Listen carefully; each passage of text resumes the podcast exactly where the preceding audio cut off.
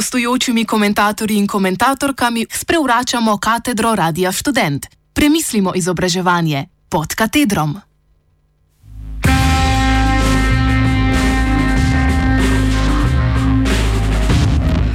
Ponovno o spolnem nadlegovanju v akademskem prostoru.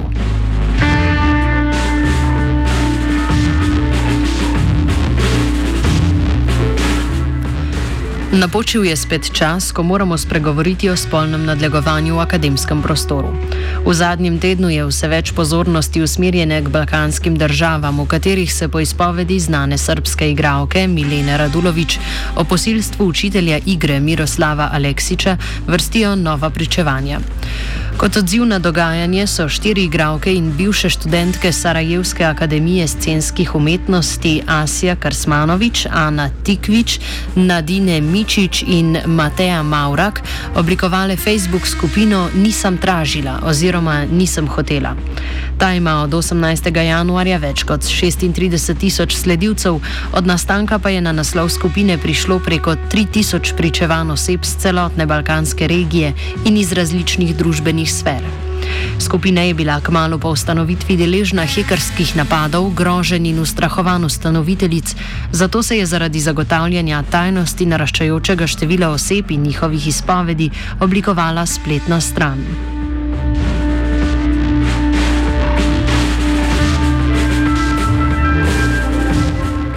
Po medijsko izpostavljenem primeru srpske igralke so sprva najbolj odmevale izpovedi in izkušnje iz igralskega sveta oziroma drugih javno izpostavljenih oseb.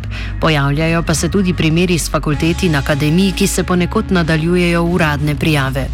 Najbolj izpostavljena sta primera Akademije dramske umetnosti in veterinarske fakultete v Zagrebu.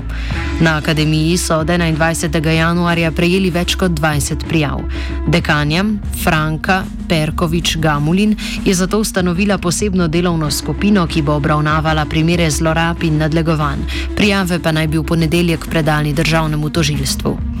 Na veterinarski fakulteti je po predložitvi dokazov in pričevanj bivših študentk storitelj že suspendiran.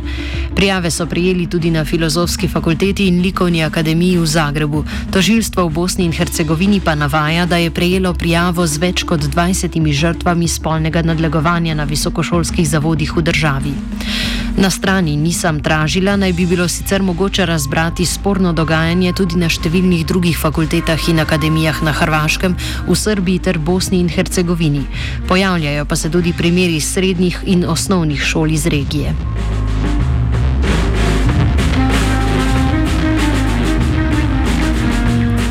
Številne izobraževalne ustanove se pridružujejo valu, ki ga je začela inicijativa in odpirajo kanale, po katerih lahko sedanje ter bivše študentke in študenti prijavijo sporno ravnanje.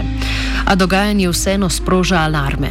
Primer z Balkana kaže, da je spolno nasilje in nadlegovanje v družbi zakrito, glede na veliko število prijav in buren odziv, v le nekaj dneh pa vsekakor prisotno in zaskrbljujoče.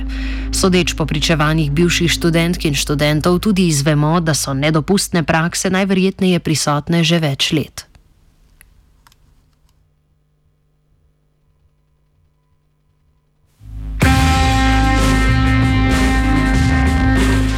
Sociologinja Jasna Podreka je komentirala dogajanje v okviru objave pilotnega projekta Reagiraj, nisi sama, nisi sam, s katerim študentke in študenti pedagoške fakultete Univerze na Primorskem ozaveščajo o različnih pojavnih oblikah nasilja, preprečevalnih praksah, postopkih ukrepanja in sodelovanja z unanimi institucijami. Podreka opozarja, da smo Slovenci še vedno preveč tolerantni do določenih oblik nasilja, še posebej spolnega, ki prizadene predvsem ženske. V Facebooku objavi omenjenega projekta še navajajo, da situacija, ki jo razkriva inicijativa Nisem tražila, pri nas ni dosti boljša in o njej očitno še nismo dovolj javno spregovorili.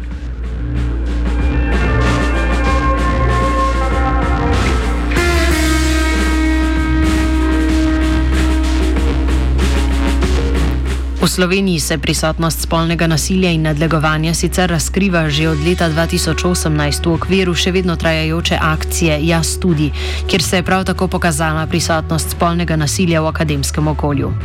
Na družbenih omrežjih pa od novembra 2020 deluje raziskovalna skupina Rezistenca, ki zbira anonimna pričevanja študentk in študentov ter spodbuja k prekinitvi molka in iskanju sistemskih rešitev znotraj izobraževalnih ustanov.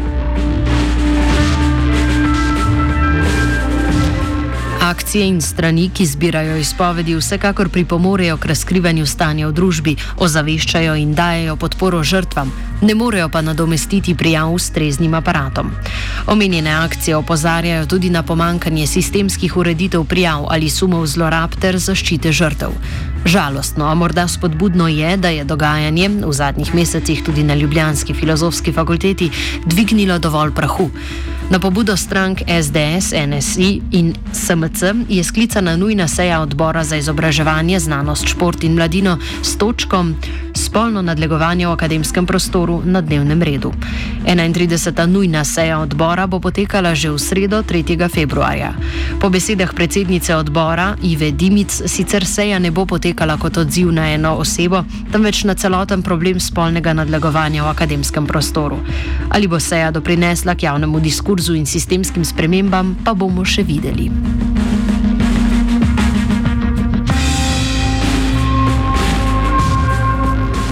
Komentirala je vajenka Pika pod mentorstvom Eve.